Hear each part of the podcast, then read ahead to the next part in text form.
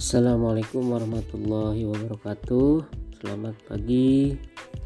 Salam sejahtera bagi kita semua. Selamat berjumpa kembali dalam perkuliahan model asesmen dalam pendidikan sejarah.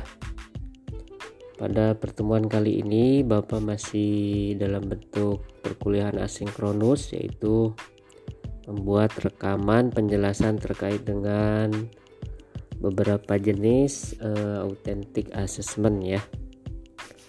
Uh, kemarin Bapak sudah menjelaskan tentang beberapa jenis uh, authentic assessment, misalnya unjuk kerja, sikap, proyek, produk, ya, uh, portofolio, penilaian diri, dan penilaian tertulis. Penilaian kerja misalnya sangat cocok untuk mengukur kompetensi peserta didik antara lain praktek di laboratorium ya termasuk laboratorium FIPS di dalamnya ada sejarah misalnya praktek berpuisi, praktek organisasi, presentasi, ya. diskusi, bermain peran ya. Nah ini kalau dalam sejarah sering nih digunakan ya. E, bernyanyi, deklamasi ya. Aspek yang dinilai misalnya melapa, mampu melapalkan intonasi dengan baik ya. Kalau dia e, membaca puisi misalnya ya kemudian penilaiannya eh, baik cukup kurang misalnya kan yang selanjutnya itu skala penilaian atau rating scale.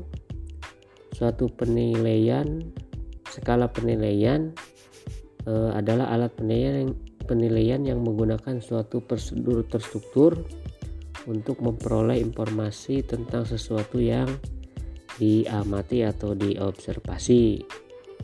Skala penilaian kemampuan membaca peta zonasi mangrove misalnya ya kalau di geografi atau kemampuan menunjukkan lokasi pada peta atau globe ya kalau dalam sejarah. Misalnya eh, menunjukkan pada peta letak ibu kota eh, Inggris misalnya ya. Di peta eh, Eropa gitu di globe kelasnya semester berapa? Mata pelajarannya sejarah ya namanya siapa? Dan aspek yang dinilai ketepatan eh, menunjukkan ya. Kemudian cara menunjuk keberanian. Kemudian cara memegang peta atau globe ya. Nah itu. Kemudian total skornya berapa kemudian yang ketiga penilaian sikap ya. Nah ini dalam kurtilah juga ada penilaian sikap ya. KI berapa? Tiga ya. Spiritual sosial pengetahuan dan psikomotor ya. Penilaian sikap pada akhirnya adalah kecenderungan berperilaku pada seseorang. Sikap juga dapat diartikan sebagai reaksi seseorang terhadap suatu stimulus yang datang pada dirinya.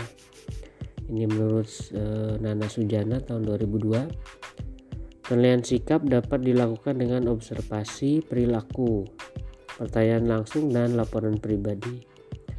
Observasi perilaku dapat menggunakan buku catatan khusus tentang kejadian-kejadian dengan peserta didik atau yang dikenal dengan anecdotal records ya.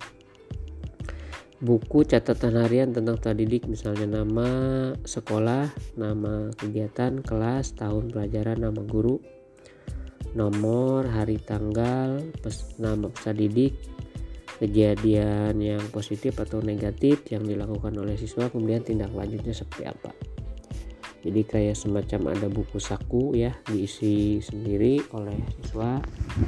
Nah dia misalnya menyeberangkan membantu menyeberangkan nenek untuk menyeberang jalan. Nah itu kan positif.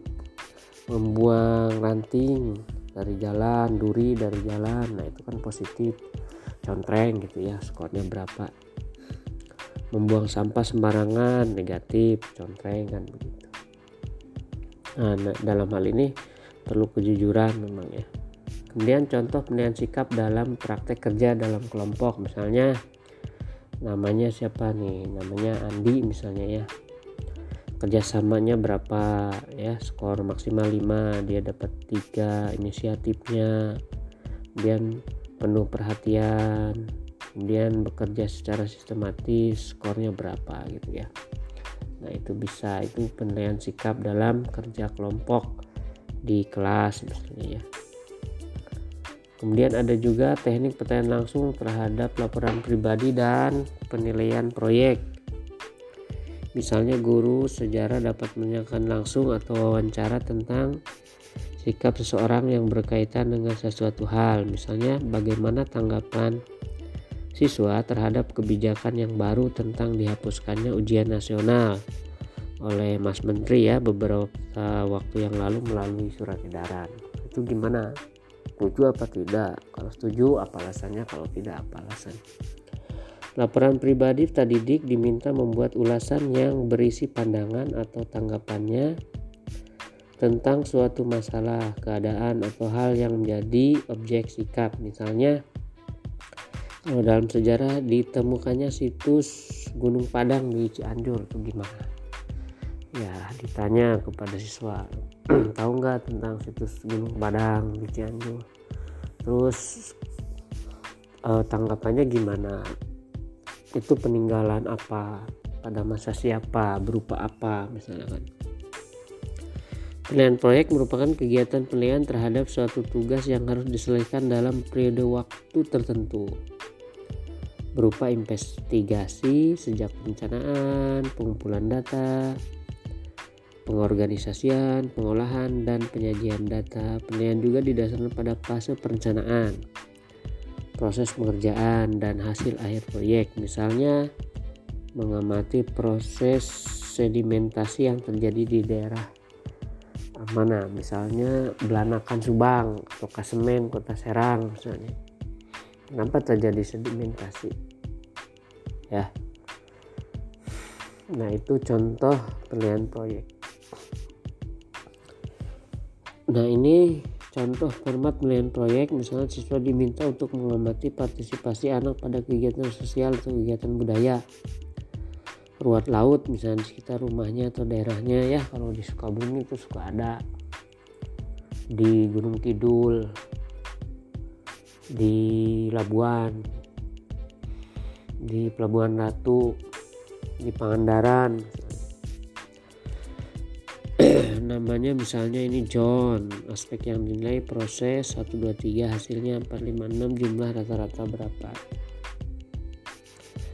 Format penilaian produk penilaian terhadap hasil artikel benda yang dihasilkan peserta didik pada periode tertentu misalnya mading atau penilaian terhadap hasil tulisan karangan peserta didik tentang hikmah. Sebentar lagi puasa nih ya hikmah puasa sholat bahaya narkoba, pelestarian lingkungan ya dan lain-lain. Contoh pemetaan produk mata pelajaran kelas semester nama produk misalnya jenis tugasnya makalah aspek yang dinilai tersusun dengan baik, tertulis dengan baik, mudah dipahami, informasi akurat, memadai, penting, mutakhir, nilainya berapa. Kemudian ada para guru di sini. Kemudian penilaian portofolio penilaian portofolio ini penilaian merupakan eh, penilaian yang merupakan penilaian berkelanjutan yang didasarkan pada kumpulan informasi yang menunjukkan perkembangan kemampuan peserta didik dalam periode tertentu yang dikumpulkan dalam sebuah map ya atau portofolio. Informasi tersebut dapat berupa karya peta didik, hasil tes, bukan nilai ya. Dapat berupa karangan, puisi, surat, komposisi musik, gambar, foto, catatan perkembangan pekerjaan, hasil diskusi, hasil membaca literatur, hasil penelitian, hasil wawancara tokoh dan sebagainya. Nah, itu disebut dengan portofolio ya.